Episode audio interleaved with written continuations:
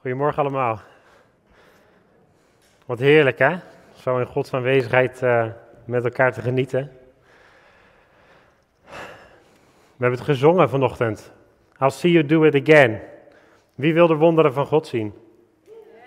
Wie wil de dingen zien waar hij over, in de Bijbel over heeft verteld? De wonderen die daar staan. Wie wil die in onze tijd zien? Wie wil de Heilige Geest uitgestort zien worden over Nederland? Ja, dat willen we allemaal, hè? Daar gaan we voor. Maar daar komt wel wat tegenover staan. En toevallig wil ik het daar vandaag ook met jullie over hebben. Het verhaal van Zacchaeus, jullie hoorden het net al. Laten we het eerst gewoon even lekker lezen. De meesten zullen het kennen, want het is, nou, denk ik, een van de meest gebruikte verhalen, ook bij de kinderdienst. Dus uh, nou, het, het, algemene verhaal zal wel duidelijk liggen. Maar ik denk dat er vandaag iets voor ons uh, te pakken ligt daar. Lucas 19 staat het. Daar staat, Jezus ging Jericho in en trok door de stad. Er was daar een man die Zacchaeus heette, een rijke hoofdtollenaar. Hij wilde Jezus zien om te, te weten te komen wat voor iemand het was. Maar dat lukte hem niet vanwege de menigte, want hij was klein van stuk. Daarom liep hij snel vooruit en klom in een vijgenboom om Jezus te kunnen zien wanneer hij voorbij kwam. Toen Jezus daar langs kwam, keek hij naar boven en zei: Zacchaeus, kom vlug naar beneden. Vandaag moet ik in jouw huis verblijven. Zacchaeus kwam meteen naar beneden en ontving Jezus, vol vreugde, bij zich thuis. Tot zover even. Het gaat daarna natuurlijk verder dat Zacchaeus leven totaal op, de kop, op zijn kop gezet wordt en dat hij het geld ook gaat teruggeven wat hij uh, heeft afgetroggeld bij mensen. Maar ja, wie was nou die Zacchaeus? Als we eens naar zijn leven kijken, hij woonde in de stad Jericho. En Jericho, dat, was, uh, nou, dat is een grensstad. Dat ligt aan de, aan de rand van Israël. Maar het was dus ook een stad waardoor veel karavanen vanuit andere landen naar binnen kwamen. Om uh, ja, met hun goederen, met hun handel, om dat weer in Israël te gaan verkopen. Um, en over al die goederen, daar moest belasting over betaald worden. Dus als er dan zo'n karavaan kwam met eten of met andere stoffen, met kleden, dat soort dingen, dan, uh, nou, dan moesten de tollenaars, die moesten kijken wat het was. En die moesten van de Romeinen moesten daar belasting over hebben. En daar waren bepaalde bedragen voor. Nou, en Zacchaeus, die gaf leiding aan zo'n groep tollenaars. Hij was een van de hoofdtollenaars. En die, uh, um, ja, en die moesten dus die belasting voor de Romeinen innen. Dus alleen al dat feit dat hij die belasting moest innen, dat maakte hem niet echt geliefd bij zijn eigen volk. Hij was zelf ook Joods. Dus het Joodse volk was niet echt blij voor hem, want hij werkte voor de bezetter op dat moment. Daarnaast was het ook nog eens heel normaal om, uh, dat, het, dat alle tollenaren waren ook nogal corrupt. En uh, nou, als het een vriendje was, dan uh, mochten ze snel doorlopen. Maar als je niet zo bevriend was met die tollenaren, dan mocht je een aardige duit neerleggen om jouw waar, om jouw goederen, die stad in te krijgen. En er waren eigenlijk geen andere wegen, dus je moest wel via Jericho. En dat, uh, dat maakte je, Zacchaeus echt geen geliefd persoon in die tijd. En nou, daarom kan je ook een beetje ja, voelen waarom, waarom mensen zo tegen hem zijn. De naam Zacchaeus betekent zuiver, rein en rechtvaardig. Nou, ik kan heel veel dingen zeggen die Zacchaeus zijn, maar die drie staan nog wel het verste af van wat Zacchaeus in die tijd was. Hij stond daar totaal niet voor. Zacchaeus was superrijk, dat staat er ook, het was een zeer rijke persoon, maar um, waarschijnlijk was hij ook gigantisch alleen. Hij had misschien wel vrienden die voor zijn geld om hem heen stonden, maar waarschijnlijk had hij, uh, nou, stond hij echt in het leven redelijk alleen en voelde hij zich alleen. En dan kan je daar ook een beetje het verlangen uh, van verklaren waarom hij opeens naar Jezus wilde. Hij had verhalen gehoord over mensen die aangeraakt waren, levens die aangepast waren, wonderen die gebeurden. En um, ja, Zacchaeus dacht van, nou, ik ben eigenlijk wel benieuwd naar die Jezus. Want misschien kan hij ook wel wat voor mij betekenen. Misschien is er wel iets wat hij voor mij kan doen. Dus hij dacht, nou, ik heb wel zin om hem te zien. Dus staat ik echt, hij wilde Jezus zien. Dus wat deed Zacchaeus? Hij ging op weg. Maar goed, Jezus ging al een langere tijd, al een paar jaar liep hij door uh, Israël heen en had hij vele wonderen gedaan. Dus die menigte om hem heen, die, uh, die was immens. En daar kwam Zacchaeus ook niet tussendoor. Waarschijnlijk wilde hij ook niet te veel aandacht trekken. Um, dus hij had ook zijn autoriteit kunnen gebruiken van laat me er doorheen. Dan waren de mensen vast wel aan de kant gegaan. Maar waarschijnlijk wilde hij zich niet echt kenbaar maken dat hij ook geïnteresseerd was in Jezus. Dus wat doet hij nou? Hij rent vooruit en hij denkt van nou, ze gaan die kant op, dan ga ik daar in die boom zitten. En die boom die hij kiest, dat was een vijgenboom. En dat is uh, nou, best wel een bijzondere keuze. De vijgenboom die komt best wel vaak voor in de Bijbel. En ik heb altijd zelfs zoiets als een Bijbel een bepaald detail vertelt. Wat voor boom het is, wat voor soort plant het is, wat voor kleur het is, hoeveel mensen het waren. Dan zit er vaak ook een betekenis achter. Zit daar een bepaalde symbolische betekenis achter. het is heerlijk om dan te ontdekken waar bijvoorbeeld die vijgenboom vaker gebruikt wordt. Um, eerst even over de vijgenboom zelf. De vijgenboom, dat zijn grote bomen, maar dat zijn bomen die heel langzaam groeien. Die hebben echt tijd nodig om tot volle groei te komen. Ik heb ook een plaatje van een vijgenboom meegenomen, dus ik weet niet of die getoond kan worden. Dan heb je een beetje een idee hoe een, uh, hoe een vijgenboom eruit kan zien. En je ziet hier dat het echt grote bomen zijn. Ze hebben hele stevige, dikke wortels. Maar het zijn ook best wel bomen waar je prima in kan klimmen. En waar je ook prima lekker op hoogte kan zitten en de mensen een beetje onder je heen kunnen, kunnen lopen. En daar koos Zacchaeus dus voor. Dus hij ging boven in die boom zitten, dat hij niet te veel opviel, maar dat hij wel gewoon Jezus zou kunnen zien als hij voorbij kwam. Nou, als de Bijbel het over een vijgenboom heeft, dan staat dat meestal voor het beeld van welvaart, welzijn en veiligheid. En het toppunt daarvan, dat wordt bereikt als je in de schaduw van de vijgenboom zit. Dus in de schaduw van de vijgenboom, daar is wel, daar, als je daar kan zitten, dan heb je het goed. Dat zo zegt de Bijbel dat. En um, dat zien we ook als bijvoorbeeld uh, Nathanael, die zit te rusten, die zit te wachten op Jezus onder de vijgenboom. En Jezus zegt ook, ik zag jou zitten onder de vijgenboom. Dat soort moment, momenten, dat laat gewoon zien wat voor situatie iemand vaak ook in verkeert. Maar Zacchaeus kiest er niet voor om onder die vijgenboom te gaan zitten. Nee, die kiest ervoor om in die boom te klimmen. Hij kent niet welvaart. Hij kent geen welvaart. Hij kent geen welzijn. En hij kent al helemaal geen vrede. Het enige wat hij kent is rijk zijn. En daar leeft hij op dat moment voor. Dus in plaats van onder die vijgenboom te rusten, verstopt hij zich in de vijgenboom. En wil hij uh, vanaf daar naar Jezus kijken. Nou, waar zien we die vijgenboom nou nog meer? Dat is eigenlijk helemaal aan het begin van de Bijbel. Als we eens teruggaan naar uh, Genesis 3. Dan uh, Genesis 3, vers 6. Als we die tekst eens met z'n allen gaan lezen, dan zien we hem terugkomen. Dan staat er: De vrouw keek naar de boom. Dat is natuurlijk Eva. Zijn vruchten zagen er heerlijk uit. Ze waren een lust voor het oog en ze vonden het aanlokkelijk dat de boom haar wijsheid zou schenken. Ze plukte een paar vruchten en at ervan. Ze gaf ook wat aan haar man die bij haar was en ook hij at ervan. Toen gingen hun beiden de ogen open en merkten ze dat ze naakt waren. Daarom regen ze vijgenbladeren aan elkaar en maakten er lendeschorten van. Op dat moment gebruiken ze ook die vijgenbladeren om zichzelf te verstoppen. Ze, zitten zo, ze hebben zo'n schaamte dat ze wat fout hebben gedaan. Ze zien dat ze naakt zijn en ze gaan die vijgenbladeren gebruiken om zich te verstoppen. Want misschien als God weer in de tuin komt, dan kan hij hun niet vinden of zo. Zoiets denken ze misschien. Ik weet het niet. Maar zodra, Jezus, of zodra God weer in die tuin komt, dan begint hij te roepen: Waar ben je? Hij mist direct die connectie. Ik, ik heb een beetje het, beeld ervan als een. Uh, nou, misschien, ik wil niet oneerbiedig zijn erin, maar Ehm, een hondje dat thuis op zijn baasje zit te wachten en die hoort al de sleutels in het, in het slot uh, rommelen en die begint al vrolijk naar de deur toe te rennen. En ik kan me voorstellen dat dat met Adam en Eva toen ook zo was. Als ze al horen dat God er weer aankomt, dat God weer door die tuin gaat wandelen met hun, dat ze al staan te wachten, yes, God komt er weer aan en dat ze ernaar verlangen. En dat was weg. Opeens was dat gerammel er niet, alleen die vreugde was er niet. En God schreeuwt waar ben je? En zij zitten verstopt tussen die vijf vijgenbladen. En ik denk dat het symbolisch dat Zacchaeus ook op die manier in die vijgenbladeren zit. Van, ik wil afstand, ik, ik, ik ben niet goed genoeg, ik verstop mij hier tussen en ik zie wel wat er gebeurt. Ik ga wel op een afstandje kijken wat er gebeurt. Zacchaeus was uiterst gemotiveerd om Jezus te zien. Hij, ging, hij klom er zelfs voor in een boom. Nou, hij was iemand met hoog aanzien, gewoon omdat het afgedwongen was. Maar toch was hij bereid om, om Jezus te zien om in de boom te klimmen.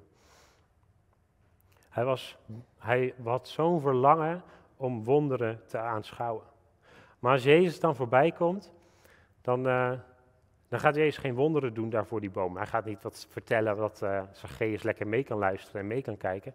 Nee, zodra Jezus bij die boom aankomt, dan roept hij direct, Zacchaeus, kom uit die boom. Kom naar beneden. Ik moet vandaag met jou eten. Ik moet vandaag bij jou zijn. Ik wil met jou gaan. Ik wil met jou lopen. En eigenlijk zegt, Je, zegt Jezus daar, Zacchaeus, ik wil niet dat je een toeschouwer bent. Ik wil niet dat je naar mij gaat kijken. Ik wil dat jij naast mij gaat lopen. Ik wil dat jij met mij meegaat. En dat jij, uh, ja, met mij die dingen gaat ervaren. Jezus is niet op zoek naar toeschouwers. Niemand van jullie is geroepen om toeschouwer te zijn van Jezus. Jullie zijn geroepen om discipelen te zijn van Jezus. En dat is wat Jezus hier echt duidelijk wil maken. Van ja, ga niet op een afstandje op die tak zitten. Zet jezelf niet aan die zijlijn. Ik wil met jou wandelen. De belastingen in die tijd, nou eigenlijk altijd, zijn eigenlijk bedoeld als iets goeds. Het is bedoeld om allemaal een stukje in te leveren, zodat er een potje is voor bepaalde dingen.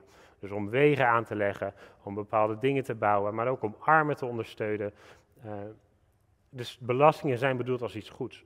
Maar Zacchaeus, die kon het helemaal verdraaien. En die gaf het aan de verkeerde dingen uit. En die trok het naar zichzelf toe. En die zorgde juist dat de armen armer werden. Dus die stond totaal niet in, ehm, ja, in de roeping die een, uh, die een tollenaar eigenlijk in die tijd had. Maar als Jezus voorbij komt, en dat zie je dan later in, uh, in Lucas 19, dan, uh, dan verandert hij totaal. En dan zegt hij, ik ga de helft van wat ik heb, ga ik weggeven aan de armen. En iedereen die ik verkeerd heb gedaan, ga ik viermalig terugbetalen. En op die manier zie je opeens dat door die ontmoeting met Jezus, dat Zacchaeus in zijn roeping wordt gezet. Hij was geroepen om die belasting te innen, wat in principe op zichzelf geen, fout, geen verkeerd feit is. Maar hij is geroepen, die belasting die is bedoeld voor de armen. Die is bedoeld om op te bouwen, die is bedoeld om te zegenen, zodat we gezamenlijk vooruit kunnen. En op dat moment wordt Zacchaeus in zijn roeping gezet. En wordt hij pas echt Zacchaeus, namelijk zuiver, rein en rechtvaardig. Dat was zijn naam, dat betekent zijn naam. En op het moment dat Jezus hem ontmoet, dan verandert dat. En dan uh, mag hij daarin lopen. Toen ik, uh, toen ik tiener was, toen, uh, in, in de kerk waar ik toen zat, hadden we een, een groot filmteam. En, wij maakten heel veel tv-uitzendingen en dergelijke. Maar we werden toen de tijd ook heel vaak gevraagd om door heel Europa om conferenties te filmen. Dus ik ben ook samen met mijn vader en met een heel team zijn we regelmatig naar Frankrijk, België, Engeland, Duitsland geweest. En dan kwamen we op de grootste conferenties om te filmen, om opnames te maken, om uh, nou ja, tv-uitzendingen te maken. DVD's konden ze kopen, zodat mensen dat mee naar huis konden nemen en konden zien. En vanaf op die, bij die functie, of toen ik daar stond, achter die camera, heb ik gigantische wonderen gezien. En sommigen van jullie zouden me misschien niet geloven van dingen die ik heb mogen zien, maar het was bizar dingen die ik heb mogen zien. Menigte die, die voor God kiezen, dat soort dingen. De grootste sprekers mogen horen. Maar en dat allemaal van achter mijn camera op dat moment. Maar uh, aan het eind van mijn tiende jaren, toen ik ongeveer 18 werd, toen, uh, toen begon er iets in mij te knagen.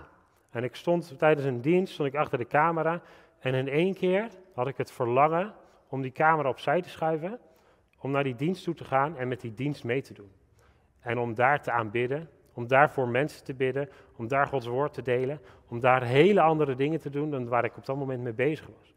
En ik had echt het idee dat God mij op dat moment riep van, hé, hey, die plek achter die camera, die is niet meer voor jou. Jij mag, jij mag ergens anders gaan wandelen. Wil je met mij meegaan? Ik had echt het idee dat God mij toen zo riep. En ik heb toen een aantal keuzes moeten maken. En dat is niet van de een op andere dag gegaan. Maar ik, ik heb toen ja tegen God gezegd. En ik dacht, nou, ik wil dit wel. Die dingen die ik daar zie, die wil ik ook onder mijn handen zien gebeuren. Want ik wil voor u gaan en ik wil het koninkrijk verspreid zien worden. En ik heb op dat moment ja gezegd tegen Jezus. En er kwamen een aantal jaren achteraan waarin uh, Jezus mij, of God mij gaan, uh, gaan schaven, gaan vormen. Ik, uh, ik heb me toen laten dopen. Ik ben een bijbelschool gaan doen. Ik heb me opgegeven voor het gebedsteam in de kerk. Ik ben nou, kinderwerker geworden. Ik ben jeugdwerker geworden. Het allemaal achter elkaar. En elke keer bracht God me weer iets nieuws bij en schaafde die me bij.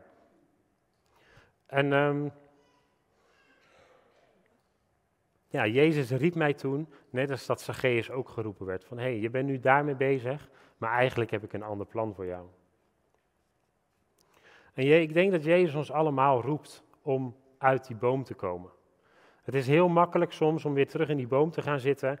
Um, vaak wordt die boom vertaald als ons moment van bekering, dus van ons zondige leven naar ons leven met God.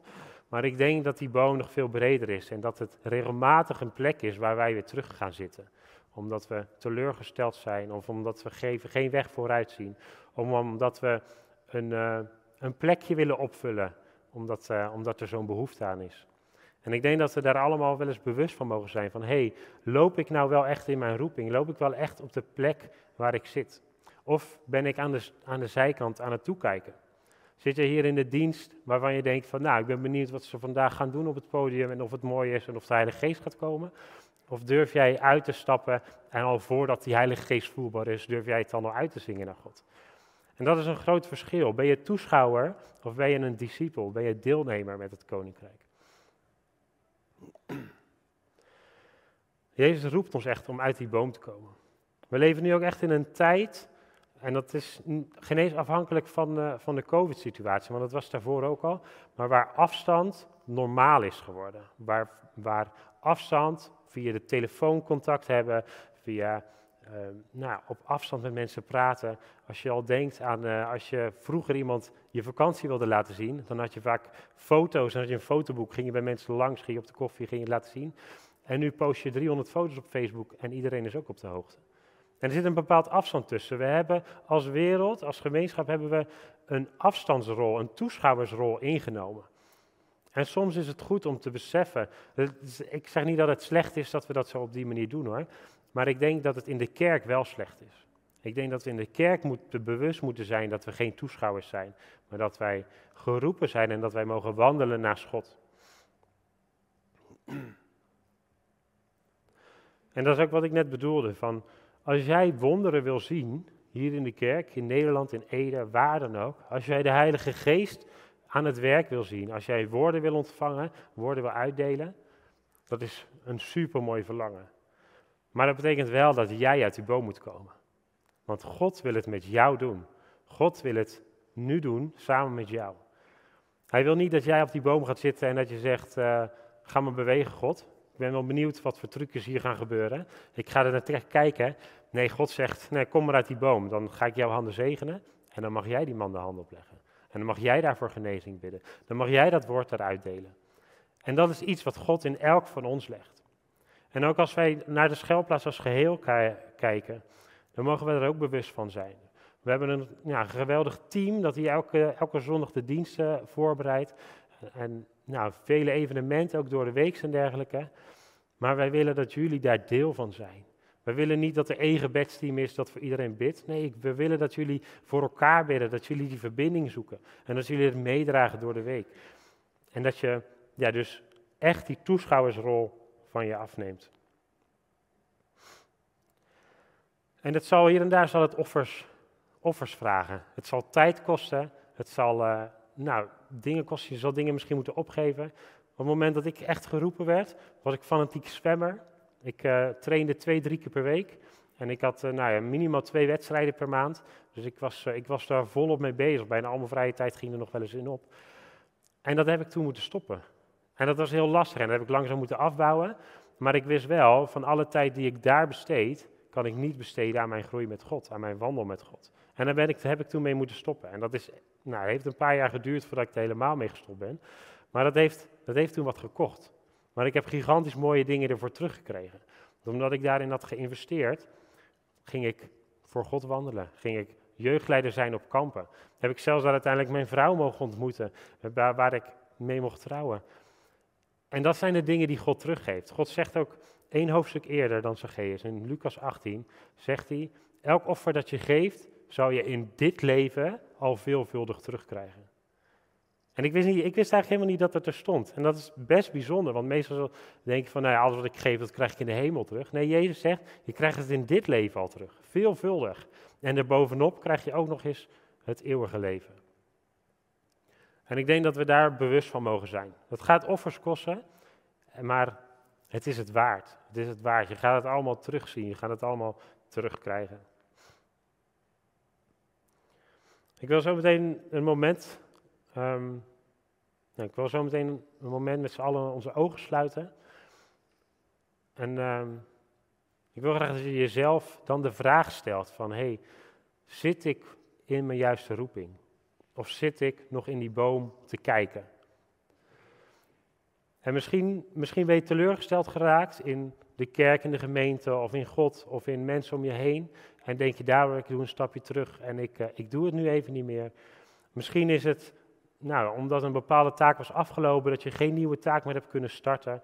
Maar misschien is het omdat je vanuit corona, dat we allemaal gewend zijn geworden om de livestream te kijken en dat je weer even die activatie nodig hebt om voor God te gaan, om je in te zetten in de kerk. Ik wil graag vragen of iedereen zijn ogen even wil sluiten. En om gewoon eens even na te denken, ja vader, zit ik op de juiste plek? Ben ik toeschouwer of ben ik uw discipel?